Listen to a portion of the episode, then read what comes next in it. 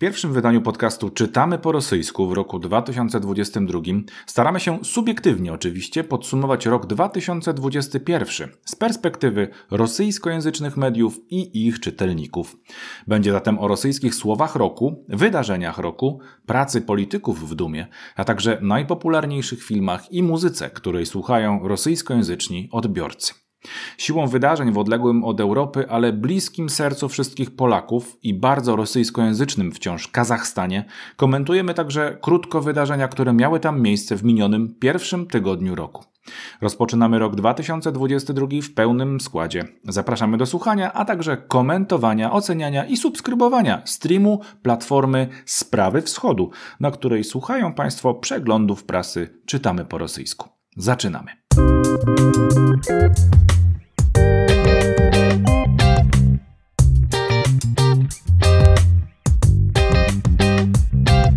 Dzień dobry Państwu. Witamy bardzo serdecznie. Dzisiaj wyjątkowe wydanie naszego spotkania, bo spotykamy się y, we trójkę. Bartosz Gołąbek, Marcin Strzyżewski, jest z nami też Magdalena Paciorek, bo będziemy dzisiaj chcieli podsumować perspektywę roku 2021, tak jak się umówiliśmy, warto mm, pewnego rodzaju rzut oka na przeszłość, która się w zasadzie nie chce skończyć, e, dokonać takiego rzutu oka. Ale zaczniemy mm, od wydarzeń, które są palące, dzieją się tu i teraz. W zasadzie nie dzieją się tu, ale dzieją się teraz. Mowa oczywiście o rosyjskojęzycznym i bliskim naszym sercom mm, Kazachstanie.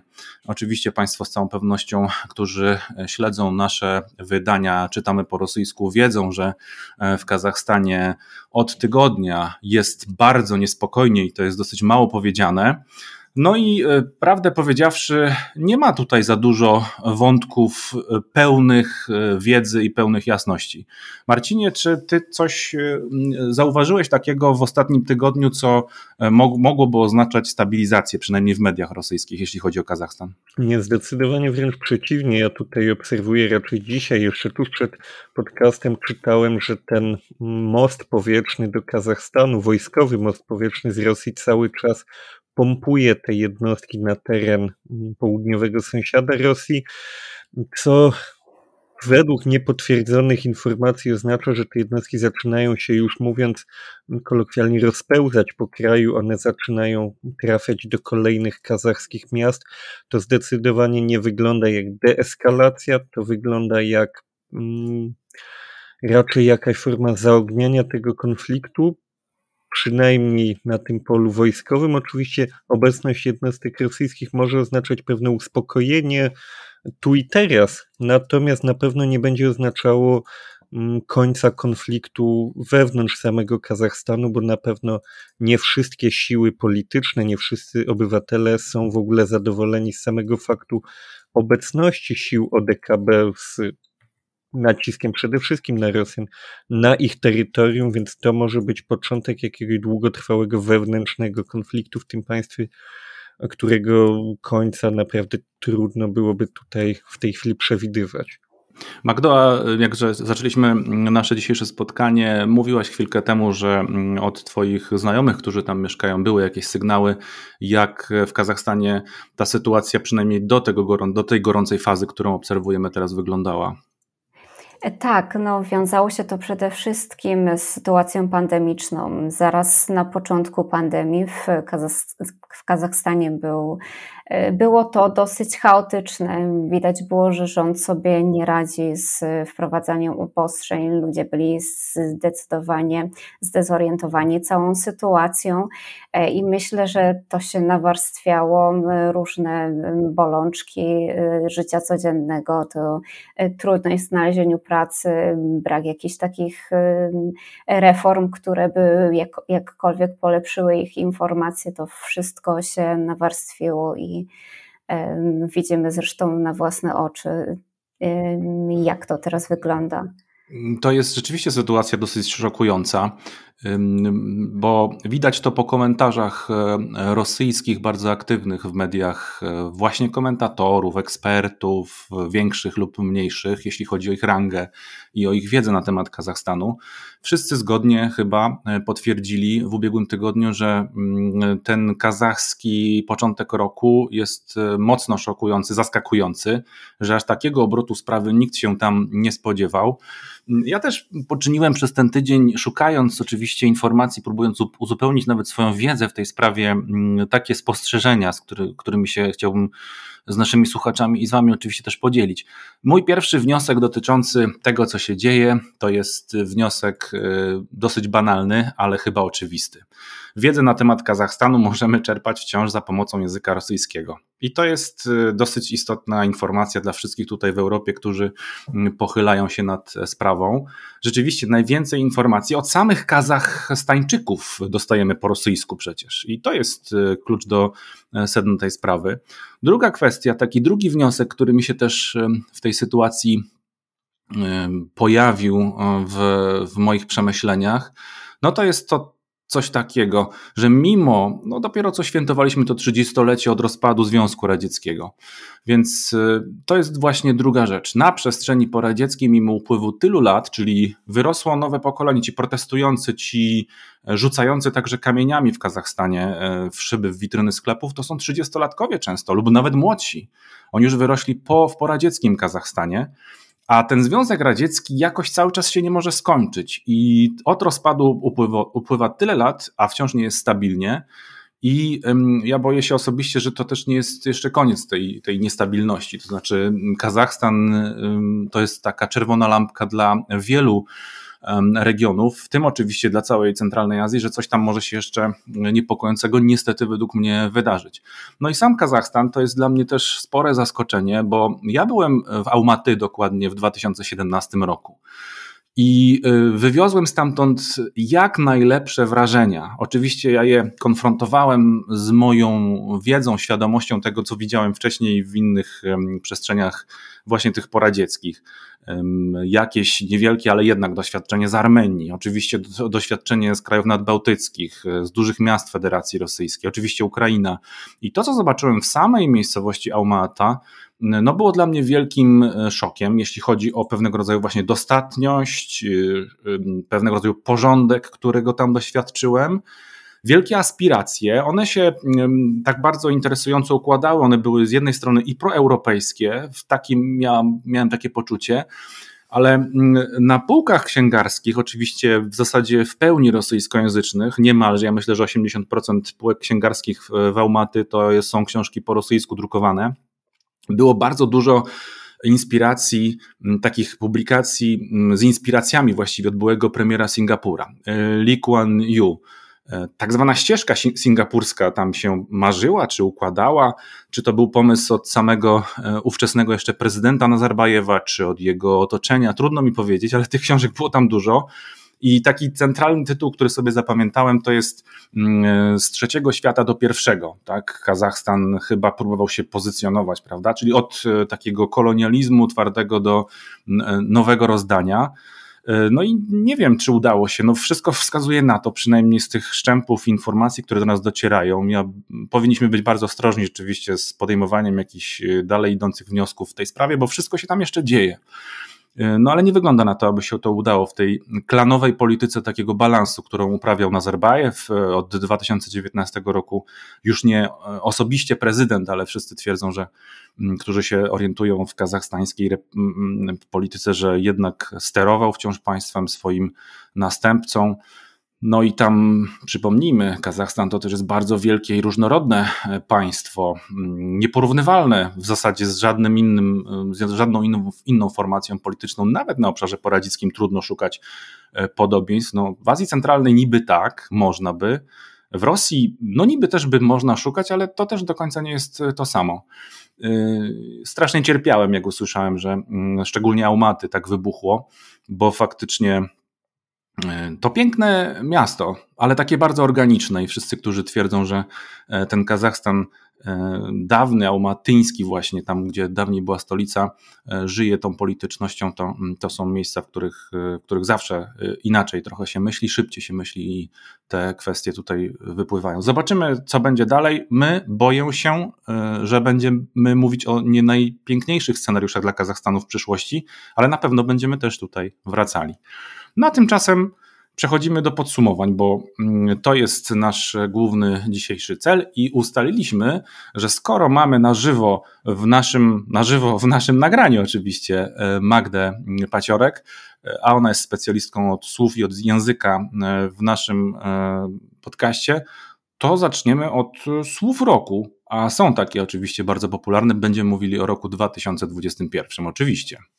E, właściwie w Rosji słowa e, roku, słowa goda e, ogłaszane są od 2007 roku, czyli w grudniu zeszłego roku już ogłoszono po raz 15 słowa roku. I oczywiście oprócz takich standardowych słów roku ogłaszane są również wyrażenia roku, antyjęzyk oraz protologizmy, czyli słowa po raz pierwszy raz użyte w języku. A to bardzo bardzo, to bardzo mądre słowo, protologizm. Tak. E, będzie również o takich słowach. E, zanim jednak przejdę do omówienia słów roku wytypowanych przez Instytut Puszkina, e, dwa słowa o tym, jak wygląda proces wybierania tych słów od kuchni. To również wyjaśni, dlaczego takie, a nie inne słowa znalazły się w czołówce. E, więc materiałem wykorzystywanym do tego rodzaju e, rankingów są publikacje z rosyjskojęzycznych mediów tradycyjnych oraz mediów społecznościowych. Ten proces jest trzyetapowy, czyli na początku określa się tematy, które były naj, najczęściej poruszane. E, drugim etapem jest wybór tekstów spośród oczywiście tych najczęściej omawianych tematów. I trzeci, najważniejszy etap to jest analiza i wybór słów, których użycie, uwaga, wzrosło w porównaniu z poprzednimi czterema latami. Czyli mm, popularność ich jest coraz wyższa, prawda?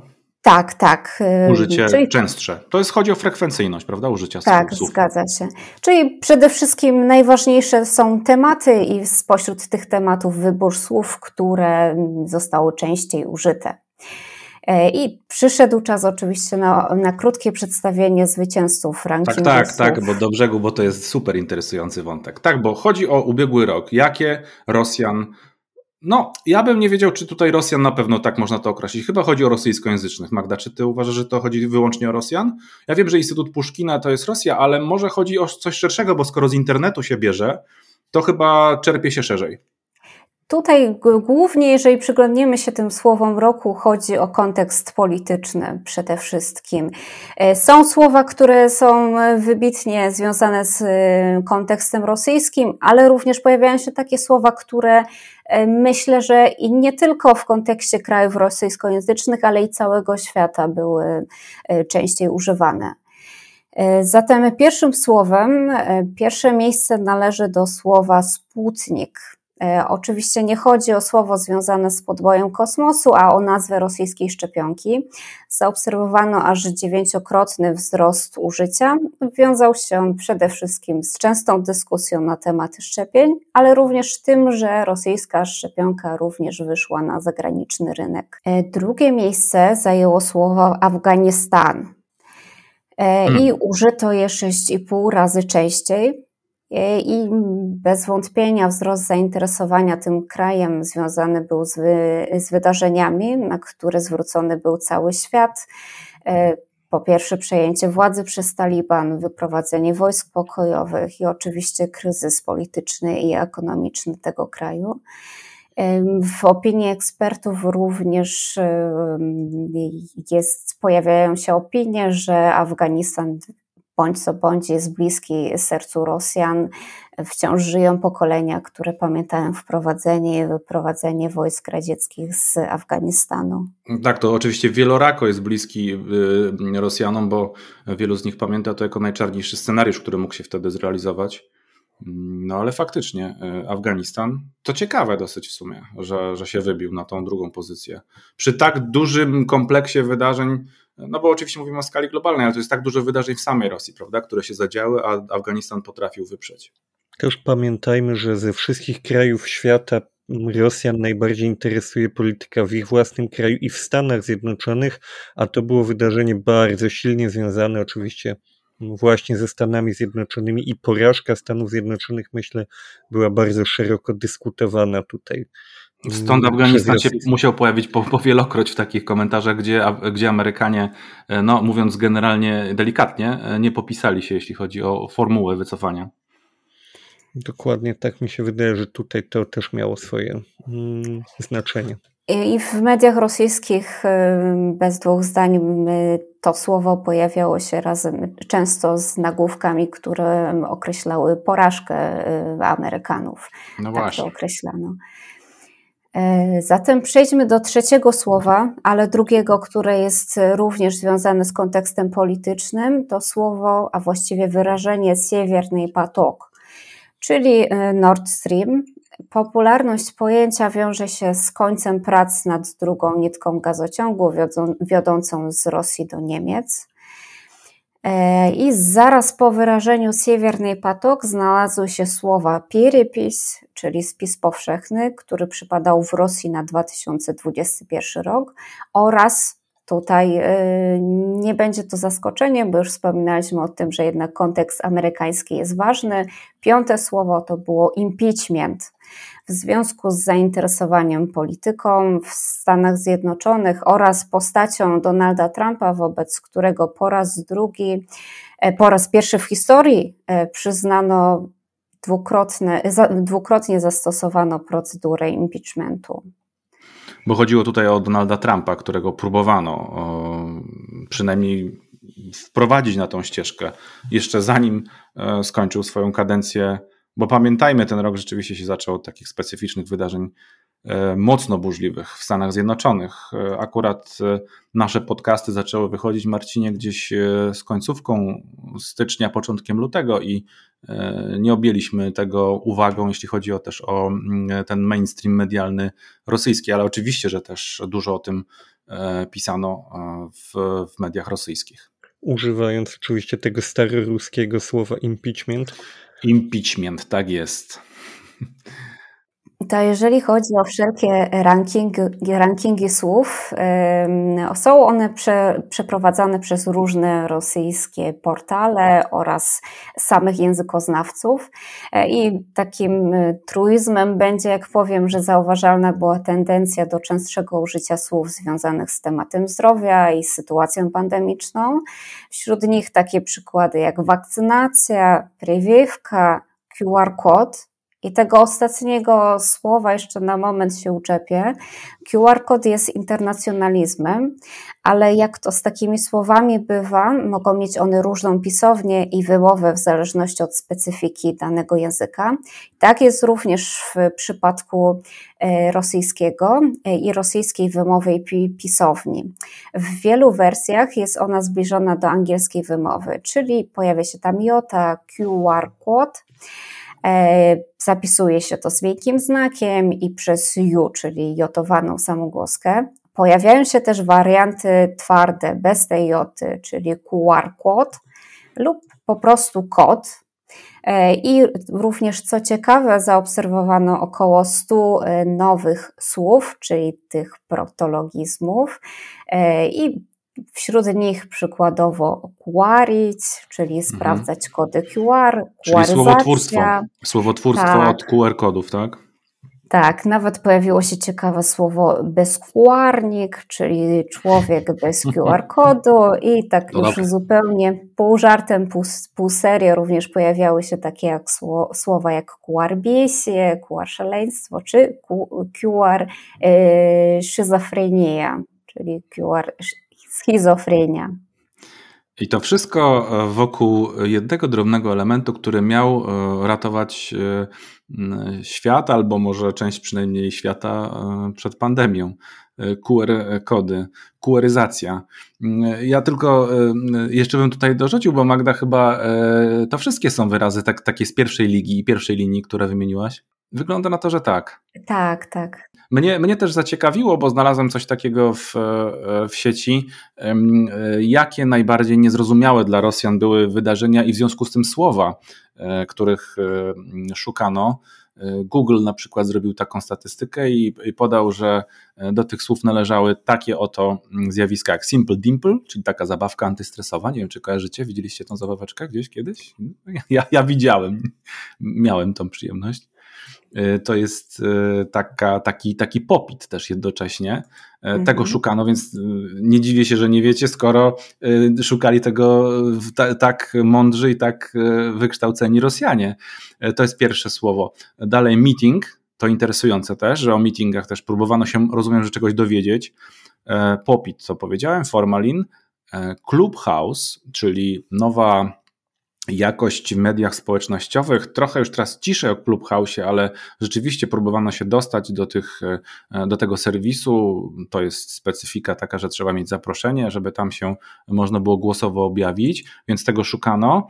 Mm, e, bardzo ciekawe, że jednak po tych wielomilionowych odsłonach filmu Aleksja Nawalnego z początku roku de facto, bardzo takiego rezonującego silnie, nie tylko rozum w Rosji oczywiście na szóstym miejscu znalazło się słowo aquadiskoteka. No to musiało być szokujące dla, mm, dla Rosjan, e, czy dla rosyjskojęzycznych zaczęli tego szukać po prostu, co to w ogóle jest za wynalazek. No a dalej troszkę zadziwiające, drużba, czyli przyjaźń. E, poszukiwano także takich słów jak feminizm, acquiring, czyli e, słowo pochodzące od angielskiego acquire.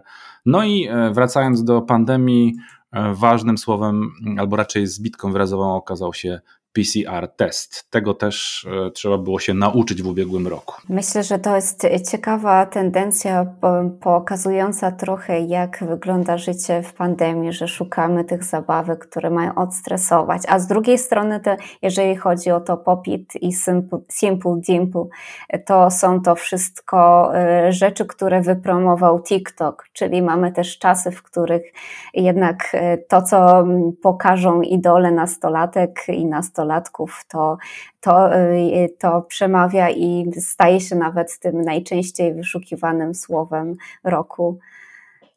No właśnie, to jest e, charakterystyczne. Marcin. Ja bym powiedział, że tutaj to, co będziemy jeszcze parę razy, myślę, zauważać, to to, że faktycznie Rosjanie naprawdę nie są tak dalecy od nas. To znaczy, mają w zasadzie te same mm, pandemiczne problemy, te same zabawki mniej więcej są popularne. Tutaj ten Winkiel Dinkiel, czy jak ty to ująłeś ładnie, to jest coś mi nieznanego, natomiast popit to jak najbardziej jest zabawka, której popularność e, no, widać u nas. No, moja nawet... córka na to mocno zachorowała w pewnym momencie. A, no, ja się do... śmiałam, że to trochę jak e, folia bąbelkowa. No Zawsze no tak. jest dużo frajdy, tylko taka wersja bardziej uładzona. Tak jest. Tylko wielorazowe też. Tak, tak jest. Tak, nie tak. użytku. Natomiast jeśli już jesteśmy faktycznie przy tych tematach, bo tutaj sporo było tych słów e, Sputnik, wakcyna, e, QR-kody, te tematy właśnie pandemiczne, to faktycznie przygotowałem dla Państwa też, jeśli jesteśmy przy podsumowaniach. Podsumowanie, no niestety smutne, ale jeśli słuchacie nas czasem, to wiecie, że ja często wracam do tych statystyk, statystyk covidowych, statystyk zachorowań, statystyk przede wszystkim w tym wypadku bym chciał powiedzieć o zgonach, bo to jest ta najbardziej niestety trwała mm, sprawa związana z pandemią. Ludzie, którzy zachorowali, przetestowali się i przeżyli, prawdopodobnie za parę lat będą to wspominać jako jakąś tam jeden, jedno z wielu wydarzeń w swoim życiu, natomiast ci, którzy nie przeżyli, zostawiają dziurę w społeczeństwie, w tym w społeczeństwie rosyjskim, a niestety takich ludzi było bardzo wielu. Według e, portalu Mediazona, który regularnie prowadzi takie zestawienie, te nadmiarowe zgony od początku pandemii sięgnęły już 990 tysięcy ludzi. I to jest dopiero początek tej smutnej statystyki. Zresztą dodajmy, że na drugim miejscu tutaj jest USA wskazane z 921 tysiącami takich nadmiarowych zgonów to, co tutaj podaje, pokazuje nam pełny obraz tej no, potężnej tragedii, jaka się dzieje w Federacji Rosyjskiej, nie tylko tam oczywiście, mm, to jest inna liczba. Ubyło w Rosji w roku 2021 do końca listopada, jeszcze bez grudnia mamy dane, 945 tysięcy mieszkańców. Ubyło w tym sensie, że to jest różnica pomiędzy liczbą zgonów a liczbą narodzin o 945 tysięcy mieszkańców mniej mieszka w Federacji Rosyjskiej po 11 miesiącach zeszłego roku. Jeśli dodamy do tego analogiczną liczbę z poprzedniego 2020 roku, tam było 575 tysięcy, to jest ponad półtora miliona ludzi, którzy, których ubyło. Zmarło oczywiście trochę więcej, bo tutaj, tak jak mówię, to jest jeszcze przeliczane z liczbą narodzin. Tak czy inaczej, to tak jakby z mapy Rosji zniknął Jekaterynburg, czwarte największe miasto w Rosji. To jest mniej więcej ta liczba, około półtora miliona ludzi. Dodam, że 15 jest takich miast y, w Rosji, które liczą sobie przynajmniej milion mieszkańców. Garada milionniki. Mhm. Dokładnie tak, przy czym te największe to jest sporo ponad y, milion, bo wiadomo, Moskwa, Oczywiście. Petersburg to znacząco większe, dalej jest y, Nowosybirski, właśnie Jekaterynburg, oba po około półtora miliona, Jekaterynburg trochę bliżej półtora, a my a dalej od miliona sześciuset tysięcy, tak jak Nowosybirsk, niemniej jednak no to jest tak jakby jedno z tych miast, y, największych miast Rosji zniknęło. A jakbyśmy jest... się, Marcinie, przerwać na chwilkę, jakbyśmy się przenieśli w skalę europejską, a przy okazji jeszcze rosyjskojęzyczną, to zniknęła właściwie Estonia z mapy y, świata. E, I to, i to z, z naddatkiem, to jest gigantyczna cyfra ludzi.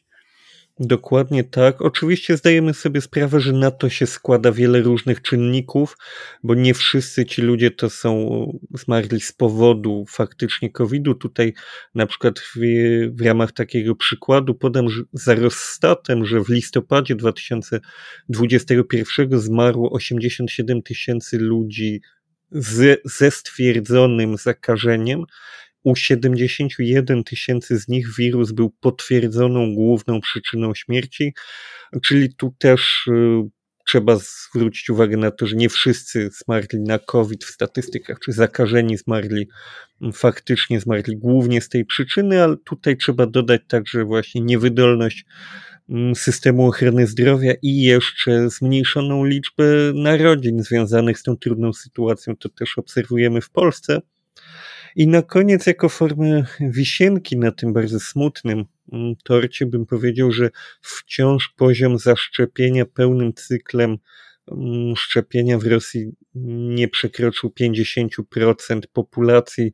Wciąż tam obserwujemy bardzo duże problemy z tym programem szczepień. Zresztą nie będziemy tutaj udawać, że w Polsce tego nie widzimy u nas tak, że ten ruch y, sceptyków jest y, bardzo wyraźny. My mamy niecałe 10 punktów, około 10 punktów procentowych lepszy ten wynik pełnego zaszczepienia. To nie jest aż tak znowu więcej.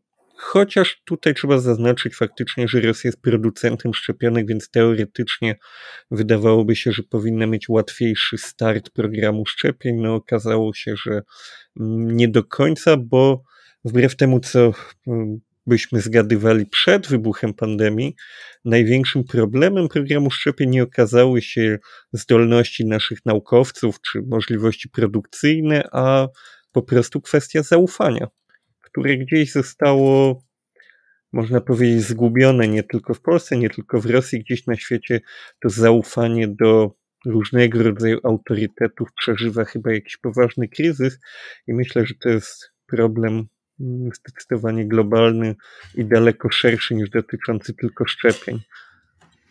No to rzeczywiście są wydarzenia, które i, i, działania, w których nie da się w żaden sposób e, racjonalnie próbować chyba nawet ogarnąć te, te, ten ubytek e, w liczbie ludności taki drastyczny. Oczywiście on się kumuluje. Ja też e, popatrzyłem sobie, bo my zazwyczaj próbujemy odnosić się do doniesień z mediów z różnych stron sceny publicznego życia Rosji. Nie ukrywamy nigdy, że interesują nas też bardzo, a może przede wszystkim te źródła informacji, które są y, po prostu wiarygodne i które, no niestety, płacą za to niespecjalnie wysoką popularnością w rankingach właśnie mm, czytelników czy też widzów rosyjskich. Mowa tu choćby o Meduzie, o Nowej Gazecie. Wiedzą to Państwo doskonale, którzy zaglądają tutaj mm, do nas e, regularnie ale także z drugiej właśnie strony próbujemy szukać tego zwierciadlanego odbicia w tych niezwykle popularnych, można byłoby nawet je rzeczywiście określić takich, takim słowem głównych mm, mediów rosyjskich i ja natrafiłem na coś takiego, co przygotowała właśnie jedna z najpopularniejszych gazet rosyjskich. Niektórzy twierdzą, że to jest ulubiona gazeta prezydenta Federacji Rosyjskiej. Mm, to jest Kamsomolska Prawda, która przygotowała taki, taką zabawę, może nawet byśmy powiedzieli, podsumowującą ubiegły rok. I nazywa się to kardiogramma strony 2021, czyli no, taki zapis kardiogramu, kardiograf Mm, krajowych wydarzeń, ale nie tylko krajowych. Pod koniec grudnia to opublikowali na stronie swojej. No i prosta rzecz, ale też zabawna, można byłoby rzec, e, dziesięciopunktowa skala od minus 5 do plus 5. Mm, jeśli e, mamy pokazane minus 5, to znaczy, że mamy duże niezadowolenie, wręcz no, taką negację danego wydarzenia. E, punkt 0 to jest pełna obojętność wobec danego wydarzenia czy zjawiska, a plus 5 to jest pełny zachwyt i taka pewna radość. No, jak się na pewno wszyscy domyślamy, mm, to mm, są tezy, które zostały zgłoszone przez redaktorów mm, gazety miesiąc po miesiącu, od stycznia do grudnia, różne wydarzenia. No i ja, oczywiście nie ma tutaj czasu ani miejsca, żeby to Państwu bardzo precyzyjnie opisywać, ale są tu takie wydarzenia, no wezmę po jednym z każdego miesiąca. Na przykład e, styczeń zeszłego roku, no to są na przykład, to jest takie wydarzenie jak wyjście Rosji z umowy o odkrytym niebie 15 stycznia. Luty, jedno tylko mm, wydarzenie, zamiana wyroku w zawieszeniu Aleksiejowi Nawalnemu na ten faktyczny e, skierowanie go do odbywania kary 2 lutego. Marzec, awaria kontenerowca Evergreen, czyli taki dosyć już zapomniany przez nas, ale ważny światowy element. W kwietniu choćby jedno z tych wydarzeń to jest skandal dyplomatyczny z e, wysłaniem dyplomatów z Czech i tak dalej, i tak dalej można byłoby tutaj wymieniać. Do czego ja zmierzam? Wydawało mi się, że redaktorzy komsomołki, jednak gazety no, po prostu sprzyjającej temu, co dzieje się w Rosji, jeśli chodzi o życie publiczne i polityczne, no znajdą takie wydarzenia albo tak je dopasują do tego kardiogramu. Ja już nawet nie chcę używać takiego sformułowania, że je dostroją do mm, e, świadomości politycznej i publicznej Rosji współczesnej, żeby wyszło więcej tego, no wiecie, entuzjazmu takiego, e, tych plusów, tych takich entuzjastycznych, radosnych elementów, ale no, zawodzą redaktorzy jedynki raptem na tej dziesięciopunktowej skali, te jedynki plus, czyli te mające być odzwierciedleniem radości mm, obywateli rosyjskich. Te wymienię wszystkie, bo ich jest niezwykle mało. Na przykład w kwietniu pierwsza jedynka, czyli skala tego, tej zabawy redakcyjnej kardiogramu przesuwa się na jedynkę, to jest 60 lat od dnia mm, lotu Jurija Gagarina w kosmos 12 kwietnia 1961 rok. Jeden punkt tak, na tej skali zabawy. Jest trochę zer, ale nie, niewiele. Dalej e, patrzę na mm, lipiec. To są pierwsze, jak się ówcześnie dowiedzieliśmy, e, udane testy nowego systemu przeciwrakietowego S-500. 20 dokładnie lipca to się wydarzyło. Dalej mamy prezentacja mm, na salonie y, Aviasalon, czyli w zasadzie targach samolotowych MAX 2021 nowego e, myśliwca. Jedynkę dostał, e, dostało to wydarzenie. Dalej mamy moduł nauka, który został e, wypuszczony na Międzynarodową Stację Kosmiczną, też jeden punkt. Bardzo mało radości, y, mówiła Magda o Nord Streamie.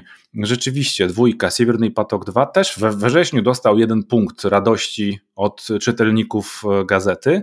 No i październik, pierwsze wydarzenie takie stricte nawet nie bieżącej kultury mm, dotyczące, ale jednak jakoś świata kultury, dwus, e, dwus, dwusetlecie od dnia urodzin pisarza Fiodora Michałowicza Dostojewskiego. Jeden punkt e, radości z tego względu, no można tutaj było oczywiście liczyć pewnie i na więcej. niewiele takich tutaj mm, e, sukcesów. Sami Rosjanie, czytelnicy komsomołki, jak zakładam, czyli tacy dosyć wierni i lojalni wobec tego, co się dzieje we współczesnej Rosji, rozdają pozytywów. I ja mam do Was od razu pytanie, dlaczego tak jest? Jak, jak uważacie? Co się tutaj dzieje z, z Rosją w tym wymiarze? Znaczy, ja bym zauważył, że tutaj przynajmniej dwa z tych pozytywów odnoszą się daleko w przeszłość, do czasów historycznych, do starych sukcesów, do starych wydarzeń. No ale co to może oznaczać? To prawdopodobnie oznacza tylko tyle, że gdzieś tych pozytywów po prostu brakuje. Gdyby one były, to byłyby łatwiej zauważalne, a tymczasem mamy do czynienia właśnie z licznymi covidowymi śmierciami, z problemami z cenami, z obostrzeniami. Tam były wakacje nieudane, bo były wiele różnych zmian, jeśli chodzi o chociażby loty do Turcji, w ogóle możliwości przelotów. Chyba to po prostu nie był udany rok dla mieszkańców Federacji Rosyjskiej, zresztą nie tylko dla nich. Jasne. E, tutaj rzeczywiście ciekawe, na ciekawą rzecz zwróciłeś uwagę, że ta przeszłość tutaj tak e, może być pasjonująca. Magda, ty co sądzisz? Masz jakieś intuicje w tej sprawie? Bo Komsomolka to jest gazeta, która powinna też cieszyć, bawić w jakimś sensie. A tutaj się okazuje, że ten wynik jest, no taki powiedzmy sobie, no ja nie wiem, jak redaktorzy to ocenili, bo zważywszy też, że, to, że mają na to wpływ, jak to pokazać, no tutaj jest na przykład sporo takich e, minusów, jak minus 2, minus 1, minus 3, czyli no to, nie, no, to nawet nie oznacza radość, to oznacza po prostu pewnego rodzaju frustrację. Jedynek jest naprawdę mało, a nic ponad e, na zielonej skali nie wychodzi ponad jedynkę. Ja myślę, że to jest taka, takie trochę szukanie na siłę plusów e, i zauważmy też, że wszystkie te elementy, które dostały tą plus i jedynkę są związane z jakimiś takimi jakby to powiedzieć, czymś takim jak zrealizowanie pewnego planu, tak jak w Związku Radzieckim były y, plany to tutaj również mamy oddan do oddania jakąś technologię, udaje nam się to, ale czy jakiekolwiek emocje są w to włożone? Raczej to jest tak, znajdźmy coś, y, czym możemy się pochwalić światu, ale czy jako, jakkolwiek nam to bardzo zmienia naszą rzeczywistość, to już nie sądzę. Marcinie, co jeszcze masz e, z podsumowań, e, które Ciebie szczególnie zainteresowały? Mówimy już o kolejnych tematach, prawda? Tak, tak, tak. Mhm. Jak najbardziej. Tutaj mam podsumowanie trochę szersze, byśmy powiedzieli czasowo, ponieważ Nowa Gazeta podsumowała pracę Dumy Państwowej, która mm, skończyła swoją kadencję w roku 2021 po wakacjach letnich. To była siódma kadencja Dumy, która mm, obradowała, obradowała w latach 2016-2021 i oni podeszli do tematu trochę mm, statystycznie, i na przykład udało im się, mm, porównywali ją najczęściej z kadencją trzecią Dumy Państwowej, czyli kadencją 2000-2003, ponieważ to była ostatnia, to też ciekawostka, w historii Rosji kadencja Dumy Państwowej, w której mm, większości parlamentarnej nie posiadała jedyna Rosja, czyli partia władzy. I tutaj na przykład y, udało im się ustalić, że mm, 16% projektów ustaw zaledwie ta trzecia kadencja Dumy Państwowej przyjęła, podczas gdy w tej chwili mm, ta siódma kadencja zakończona w 2021 już przeważającą liczbę ustaw, które są wprowadzane w ogóle do e, podobrady przyjmuje faktycznie, to było około 60%, przy czym coraz więcej tych ustaw procentowo jest wnoszonych pod obrady przez prezydenta i rząd. W trzeciej kadencji to było tylko 11%, w siódmej to już 32%, czyli jedna trzecia wszystkich, mm, wszystkich projektów, ustaw to są projekty albo prezydenckie, albo rządowe. Trzykrotny wzrost w ciągu tych 15 lat. Mm. Dodajmy do tego, że faktycznie tutaj zauważono bardzo mm, duże przyspieszenie prac mm, nad prawodawstwem w Rosji. Taki okres, w którym ono było najbardziej pośpieszne, to były lata 2011-2016.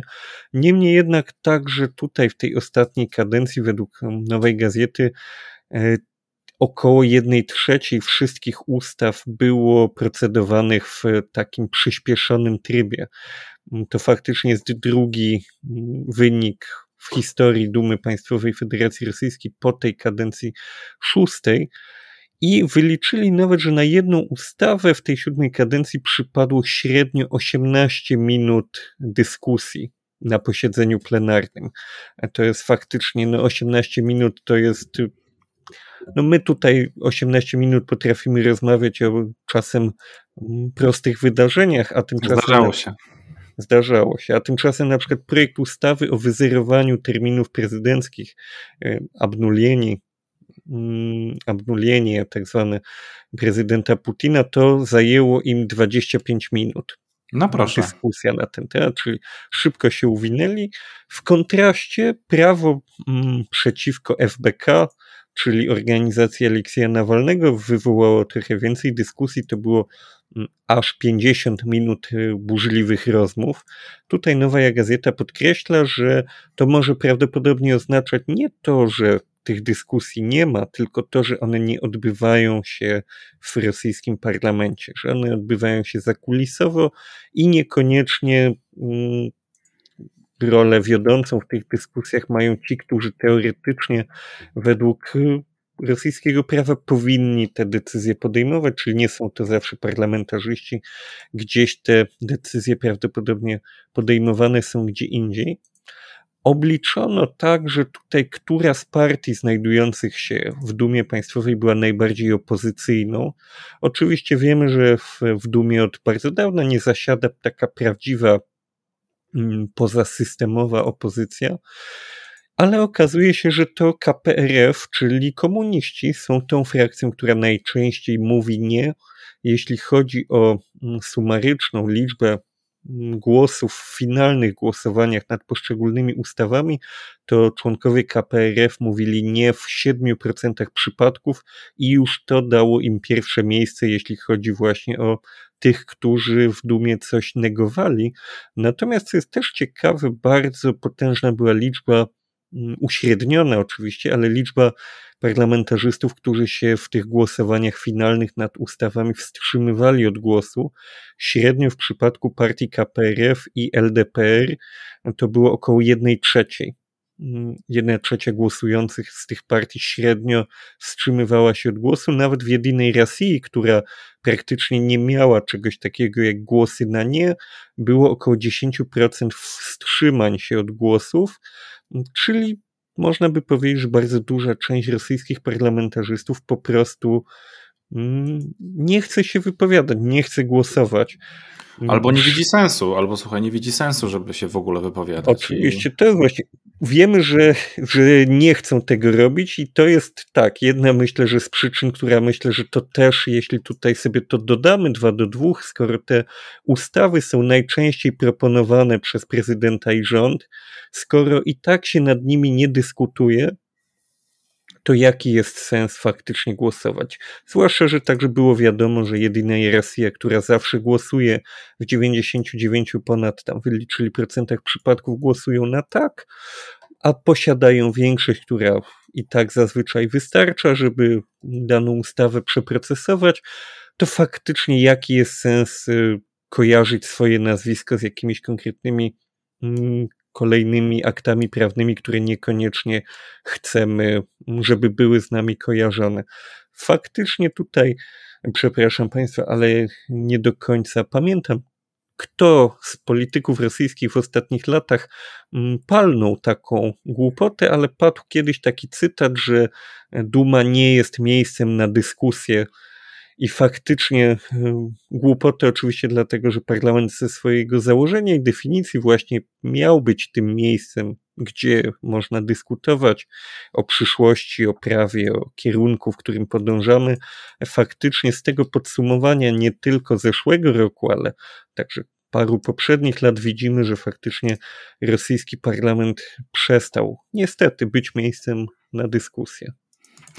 To ciekawe. Od razu wrzuciłem do wszechwiedzącej sieci to hasło, które rzeczywiście mnie też wypadło z głowy zupełnie, kto tym mądrym bomotem się posłużył. Parlament nie miejsce dla dyskusji. Powiedział to Borys Gryzłow, który mm, wycofywał się już odchodził z Dumy.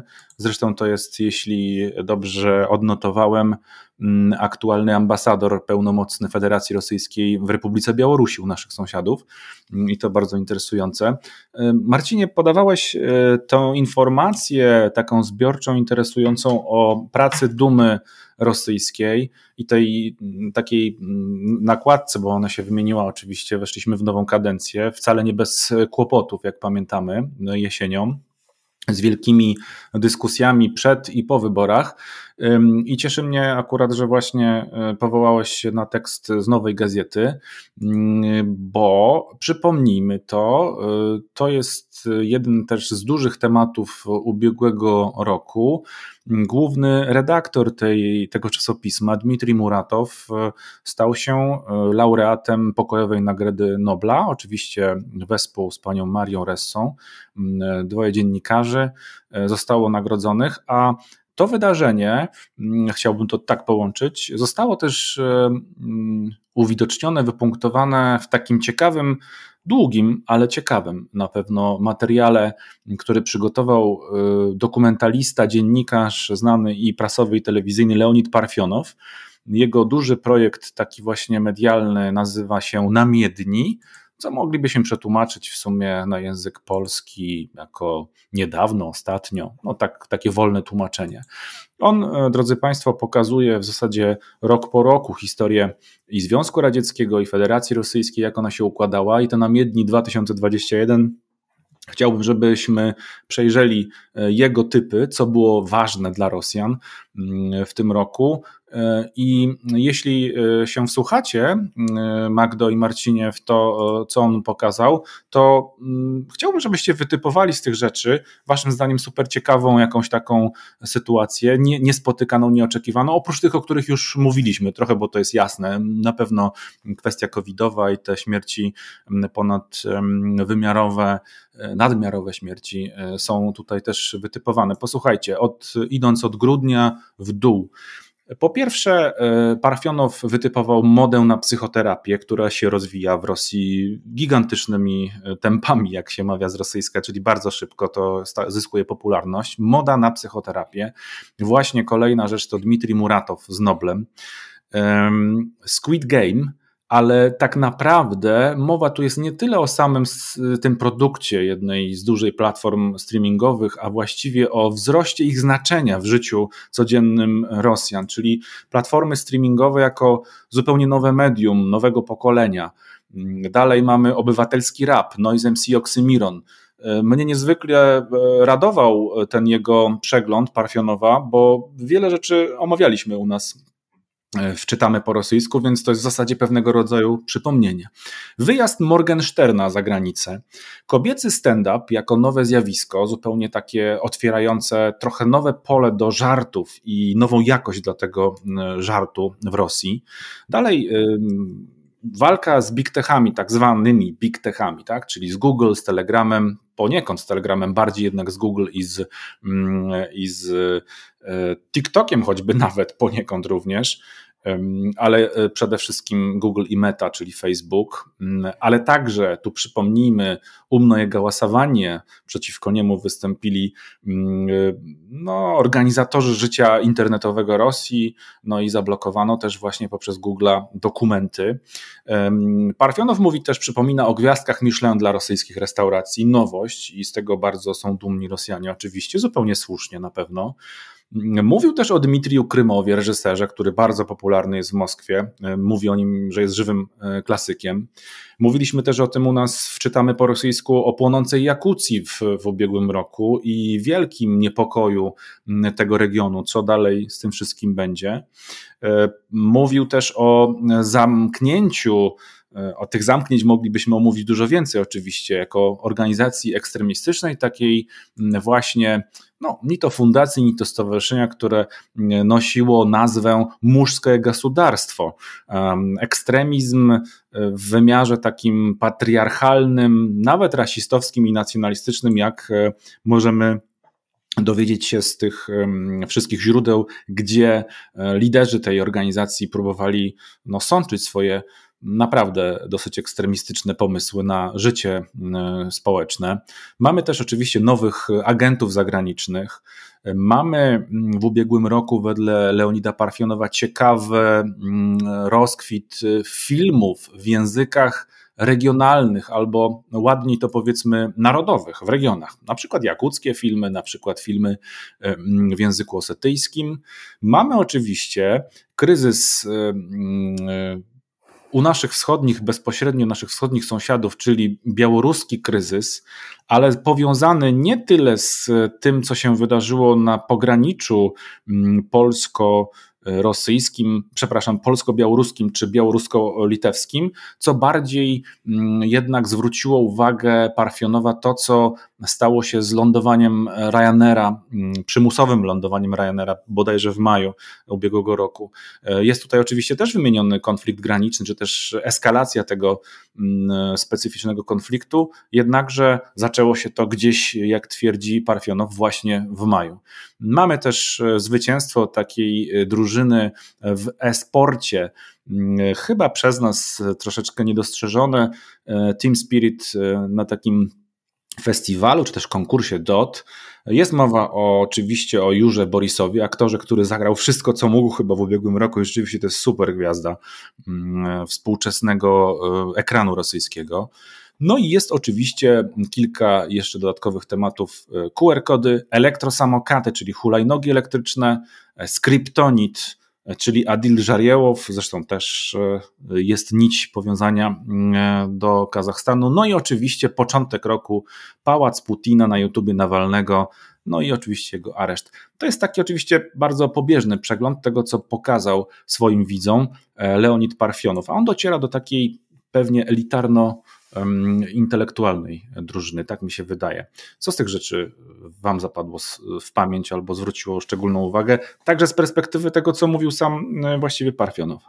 To znaczy, ja może zacznę od takiej drobnej, drobiazgu, który mogłeś nie wyłapać, bo to nie jest twój temat, ale jak może Państwo wiecie, to jest trochę mój temat. Jeśli chodzi o tych esportowców, to to było zwycięstwo w grze Dota 2 podczas turnieju The International 2021. To jest turniej, który faktycznie co roku przede wszystkim szczyci się najwyższą e, wygraną zazwyczaj ze wszystkich turniejów esportowych w ciągu każdego roku. Ona jest częściowo finansowana przez społeczność. Tam było bodajże 18 milionów dolarów do wygrania, ale jak już to mamy za sobą, to może zacznij Magda, oddam Ci głos to y, ja zwróciłam uwagę szczególnie na tą modę na psychoterapię. Już mówię z jakiego względu. Szukałam ostatnio dla siebie jakiegoś rosyjskiego podcastu e, i otworzyłam jeden z rankingów 100 najlepszych rosyjskich podcastów. I myślę, że spokojnie w pierwszej dwudziestce przynajmniej nie, nie wyolbrzymię, jeżeli powiem, że połowa y, tych podcastów w pierwszej, w pierwszej dwudziestce dotyczyła tematu psychologii, pracy nad sobą y, i tak dalej. Y, wśród nich mogę wymienić chociażby psychologię na dażdzie.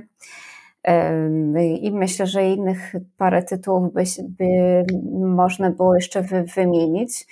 E, I to bardzo ciekawe i z jednej strony myślę, że trochę pandemia wymogła zainteresowanie psychologią, psychoterapią, z drugiej strony y, myślę, że psychologia stała się taką częścią naszego życia, która, która, y, która się, jeżeli chodzi o nauki społeczne, to ona w sposób drastyczny się rozwija. Mamy coraz więcej narzędzi, które po, pomagają nam y, badać właśnie takie aspekty życia. A tutaj chciałbym dodać, że uważam, że to jest absolutnie pozytywne, ponieważ nie ma na świecie ludzi, którzy nie posiadają problemów mm, różnego rodzaju emocjonalnych, różnego rodzaju traum, jak regularnie chodzimy do dentysty, tak wydaje się, że przydałoby się także regularnie zadbać o zdrowie także psychiczne i emocjonalne. I dobrze to rozumiemy, że w Rosji na pewno ludzi z traumami, z, z ciężkimi przeżyciami jest na pewno bardzo wielu, jak zresztą wszędzie jest ich wielu. I to, że oni zaczynają się trochę bardziej skupiać nad tym, żeby naprawić siebie, zamiast y, rozwiązywać jakieś problemy zewnętrzne i skupiać się na świecie zewnętrznym, to w takim dużym kontekście także uważam, że byłoby pozytywne, bo gdybyśmy wszyscy zajmowali się więcej właśnie takim naprawianiem siebie, a trochę mniej próbami mieszania się w cudze życie, zarówno w dużym, jak i małym, w dużej i małej skali, to chyba byłoby lepiej. Oczywiście, w 100% się zgadzam. Takie, takie powiedzonko, które mm, przynajmniej w sieciach społecznościowych mm, zwróciło uwagę moją, to jest właśnie nie nowy rok ma być lepszy, tylko ludzie mają być lepsi, więc Rosjanie wzięli sobie to przez cały ubiegły rok e, do, do serca. Przynajmniej ci Rosjanie, którzy śledzą te wszystkie kanały, podcasty, o których Magda mówiła, rzeczywiście, e, prawdę mówiąc, Myślę, że to jest jakaś taka, jakiś taki nurt, który po prostu zaspokajać musi e, te potrzeby, e, których e, gdzie indziej być może trudno, trudno jest czy to pozyskać, czy wytłumić. Mm, nie wiem, na ile ta skala jest faktyczna tego zainteresowania, na ile jest to pewnego rodzaju też taka medialna wydmuszka. Myślę jednak, że Parfianow zrobił taki research porządny i to faktycznie jakoś ciekawie mu się ułożyło. Marcin? Mm, a ty? A ja bym zwrócił uwagę tutaj na ten stand-up, bo oczywiście chciałbym się nie zgodzić w tym sensie, że mm, kobiecy stand-up y, to jest coś, z czym ja się w Rosji spotkałem, czy tam w, powiedzmy w rosyjskim internecie, żeby być bardziej dokładnym, już trochę wcześniej i zdecydowanie w ogóle chciałbym, mm, na ile to jest możliwe, bo to jest trudny język, trudny e, forma przyswajania języka obcego, jednak jeśli by Państwo słuchający, przynajmniej część z Państwa słuchała i była w stanie zrozumieć język rosyjski mówiony, to gorąco polecam przede wszystkim dlatego, że rosyjski stand-up jest bardzo różnorodny i to oznacza między innymi właśnie to, co tutaj Perfionow zauważył, że pojawiają się w nim e, co bardzo dobrze kobiety, ale to jest też stand-up bardzo taki, byśmy powiedzieli, mm, wielonarodowy, w tym sensie, że faktycznie tam się zdarzają twórcy, którzy pokazują bardzo różne perspektywy. E, mamy Dmitrija Romanowa, który ma pochodzenie odeskie, żydowskie, mamy Nurlana Saburowa, który ma pochodzenie właśnie środkowoazjatyckie, o ile się nie mylę, to właśnie mm, jego rodzina jest z Kazachstanu. Mamy Slawę Komisarienko, który był obywatelem Białorusi, ale razem z rodziną, nawet jego rodzina musiała się przenieść, jak to żartował bardzo ładny występ e, synku, przyjedziemy do ciebie do Moskwy, bo on się tam wyśmiewał z Łukaszenki mm, dość intensywnie, ale także bardzo zabawnie. Także faktycznie to jest ogromna różnorodność i bardzo też ciekawy sposób na poznawanie języka rosyjskiego, jeśli ktoś mm, nawet chciałby już te wyjść z tych podstaw i trochę szerzej y, poznawać ten język, to to jest ta droga, którą bardzo osobiście polecam, bo i każdy myślę znajdzie tam coś dla siebie. Ja dla równowagi bym jeszcze tutaj przedstawił, bo może e, warto kilka przynajmniej pań, które rzeczywiście w tym e, żeńskim e, stand-upie uzyskały już pewną markę i sławę. Co ciekawe właśnie z tym stand-upem to jest tak, że on nie wychodzi z telewizyjnego takiego mainstreamowego wymiaru, ale gdzieś z klubów, e, z YouTube'a, z sieci społecznościowych przenika dopiero do tego mainstreamu i staje się niezwykle popularny, prawda? Chociaż telewizja TNT już dość tak, podchwyciła. podchwyciła. Ten... Zresztą już też otwarty taki e, właśnie format, który zatytułowany jest zresztą żeński stand-up. No więc Irina Miachkowa tutaj na pewno warto ją jest wymienić. Julia Achmiedowa, na pewno e, ciekawą też e, stand-uperką jest Wiktoria Składcikowa, tak jak mówiłeś też e, Warwara Ścierbakowa, tak jak mówiłeś Marcinie, on jest też interesujący, że o tyle pewnie ciekawy, że wielostronnie tutaj można oglądać ten Mm, ten świat języka rosyjskiego. Z różnych rzeczywiście kierunków przybywają te mm, twórczynie e, i twórcy oczywiście.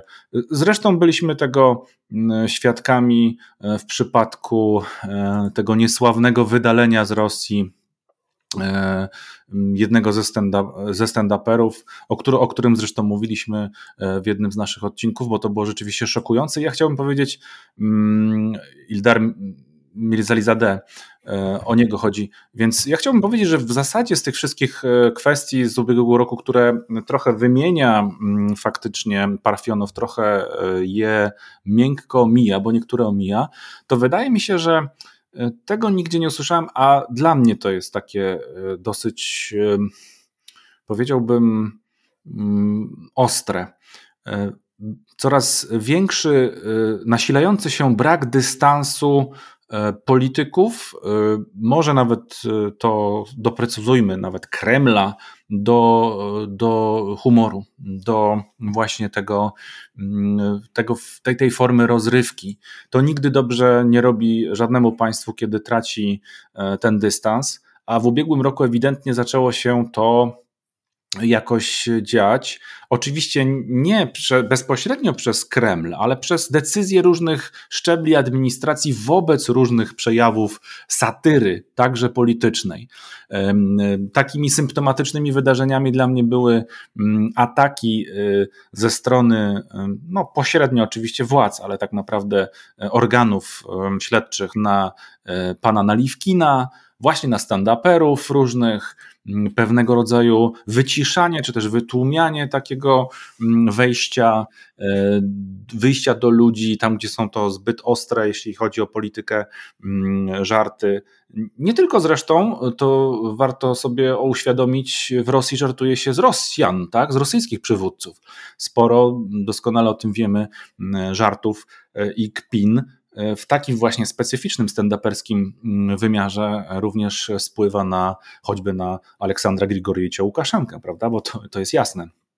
To jest jednak postać, która no, powoduje, że jeśli nie możemy jej na razie w żaden inny sposób zniknąć, jakby powiedział Kubuś Puchatek, to próbujemy sobie to z tą postacią poradzić e, w, w sposób zupełnie naturalny, czyli poprzez śmiech. Dla mnie to było największe E, z tych e, takich społeczno-kulturowych doświadczeń zeszłego roku mm, no, pewnego rodzaju niepokój. No i oczywiście obok COVID-u i obcych e, agentów zagranicznych, bo to, bo to faktycznie tutaj się mm, musi pojawić. Mm, mam jeszcze pewnie na koniec już trochę lub blisko końca kilka takich kontekstów e, ze świata muzyki. Czy wprowadzamy je, czy mamy jeszcze coś ciekawego z podsumowań, co ja będę miał jeszcze o filmach, także o, myślę, dawaj, że filmy zacząć. Są ważne. Filmy są ważne, ale możemy zacząć od muzyki i przejść do filmów. Nie, zróbmy tak, że opowiemy o filmach, a muzykę damy na koniec, bo muzykę będzie można e, też dać posłuchać. na koniec. Tak jest, posłuchać. Więc ja tutaj znalazłem podsumowanie najbardziej kasowych filmów w Rosji w roku 2021 i tutaj będę miał na koniec drobną refleksję, którą zaznaczyłem na samym początku.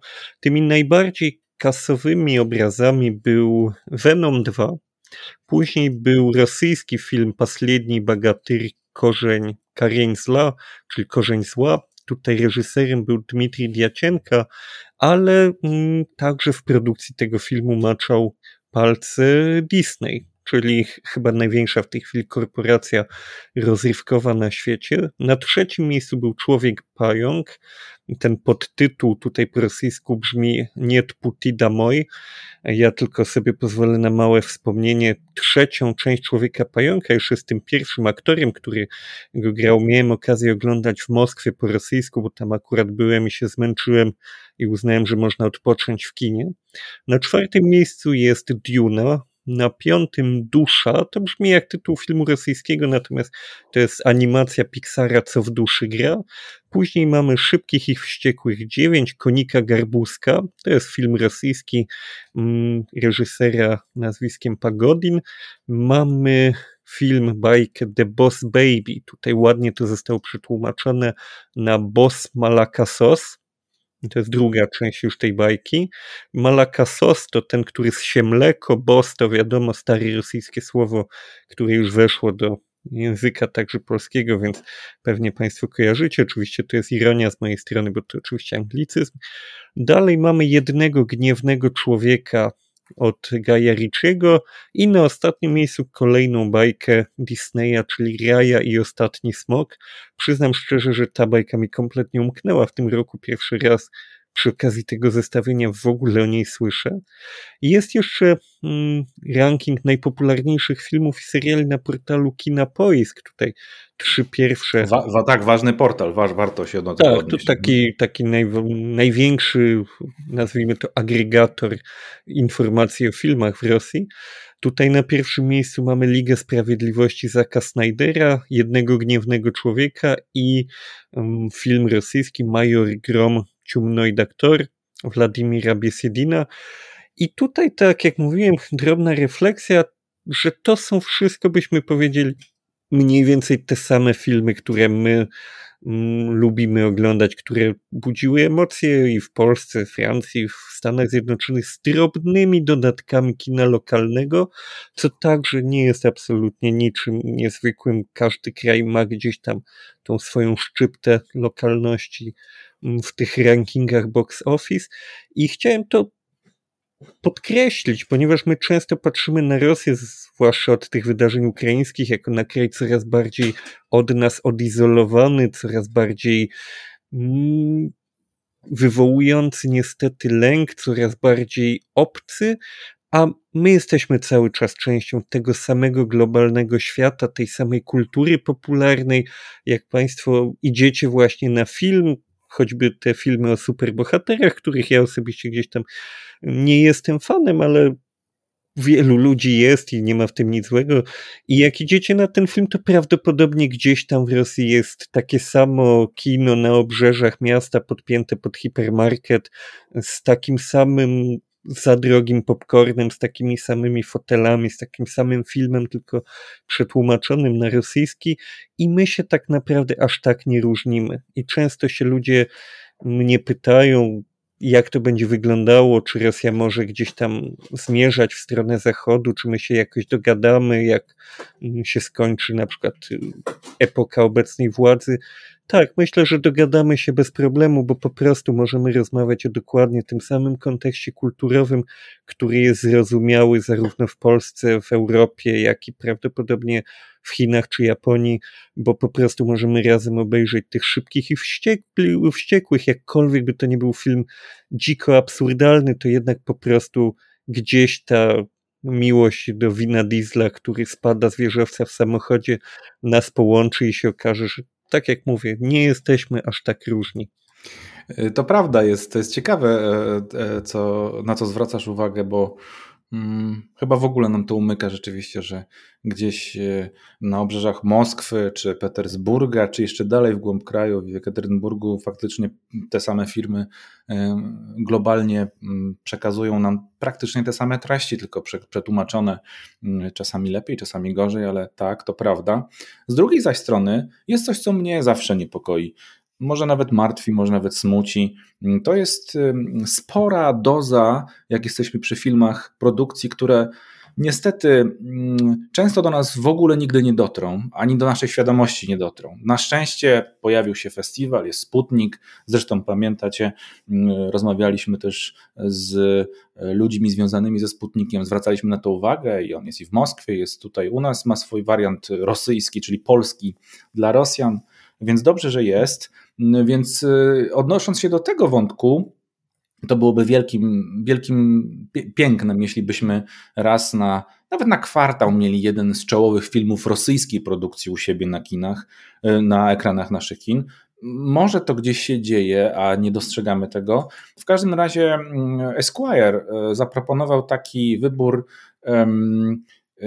filmów rosyjskich roku 2021 no i tutaj trzeba się też odwołać oczywiście do tych platform e, streamingowych, które jak doskonale wiemy, jeśli mm, mamy na przykład do czynienia z jednym z liderów światowych obecnie, czyli z Netflixem na przykład, no to on ma swoją lokalizację i tego, co Rosjanie nie będziemy mogli sobie mm, obejrzeć dokładnie, toć w toć, a jednak są tam ciekawe produkcje. W każdym razie ja wracam do tych 15 najlepszych rosyjskich filmów 2021 goda, goda, czyli roku. Chcę, żeby Państwo usłyszeli tytuły rosyjskie, bo i tak nie ma większych na razie szans na to, żeby one w tłumaczeniu na język polski się pojawiły, a mogą je sobie Państwo gdzieś być może w nieodległej przyszłości odszukać, albo będąc na wschodzie, po prostu wybrać się do kina. 15 pozycja na bliskim Rastajani, Mama ja doma, czternastka Nucia, e, dwunastka to Pradlenie Żyzni, jedenaście Absiaga, dziesiątka Major Grom, Ciumnoj Doktor, to akurat z tego co wydaje mi się, mieliśmy dostępne na Netflixie takim ogólnoświatowym. Razrzymaja Kulaki dziewiątka, e, Pierwej Śnieg ósemka, e, siedem Dunaj, Morie wolnuje raz na szóstce, pięć Kapitan Wołkogonow bieżał, czyli piątka. Yt, czwórka. Tutaj są te właśnie filmy jakuckie też ujęte. Wtaroje Sące na trzecim. Atarwi i Wybroś dwójka. I pier pierwsze miejsce w tym rankingu Esquire zajmuje Mieszsezonie. To są filmy, bardzo krótko tylko chcę powiedzieć, po prostu o ludziach po prostu o ludziach.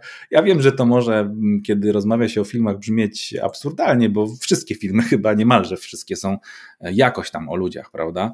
Ale tutaj widać bardzo ściśle taki społeczny wymiar mm, e, tej kinematografii rosyjskiej i ciekaw jestem, który z tych filmów będziemy mogli zobaczyć w tym roku, e, w, choćby właśnie w ramach festiwalu lub innych doświadczeń kinematograficznych u nas w kraju. Trzymam za to kciuki, żeby to się wydarzyło.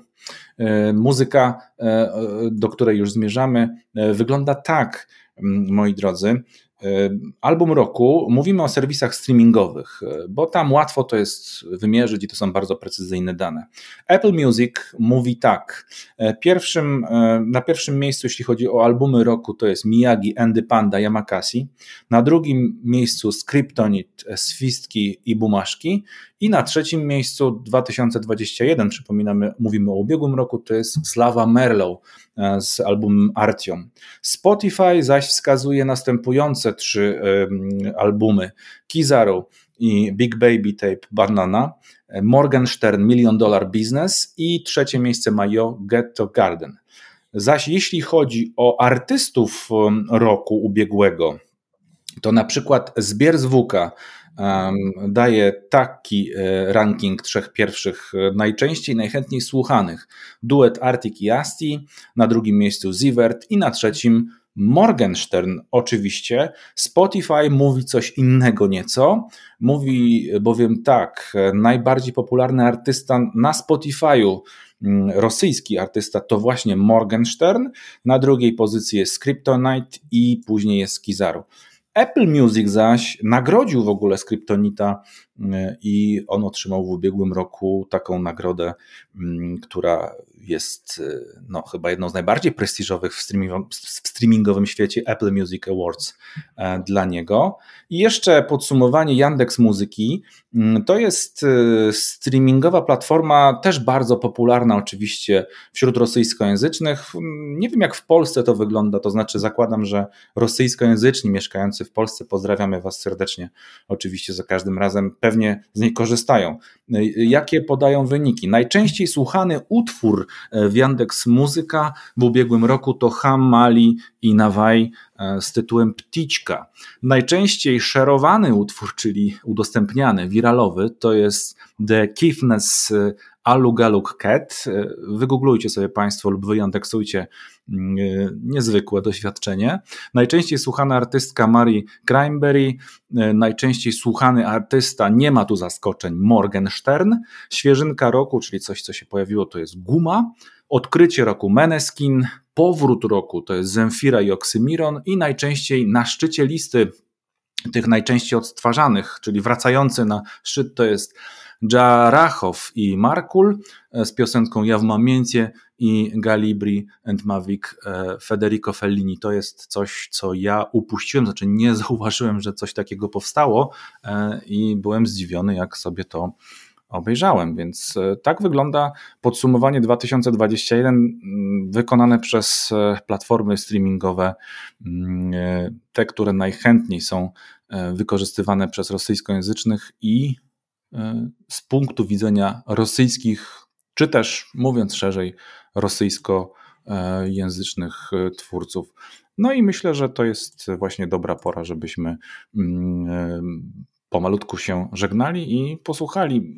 Nie wiem, co uważacie jest najciekawsze z całego tego wyboru. Morgensterna już żeśmy tutaj mieli nieraz, może coś innego.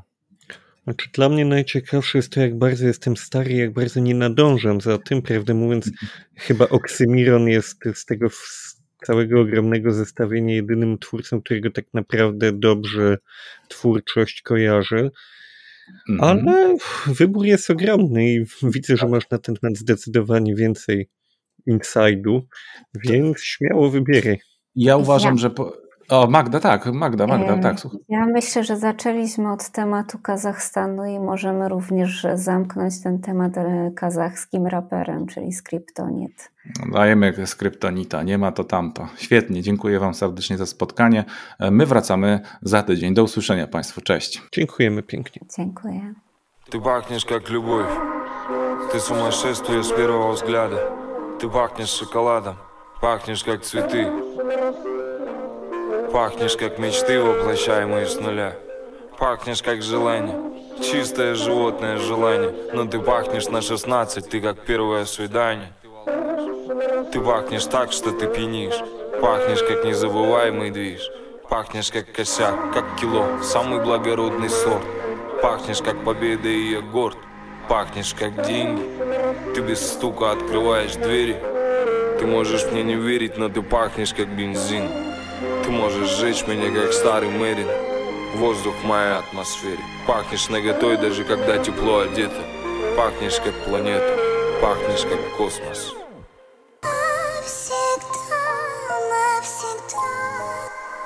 Навсегда лето. Космос ты, в космос я. Навсегда лето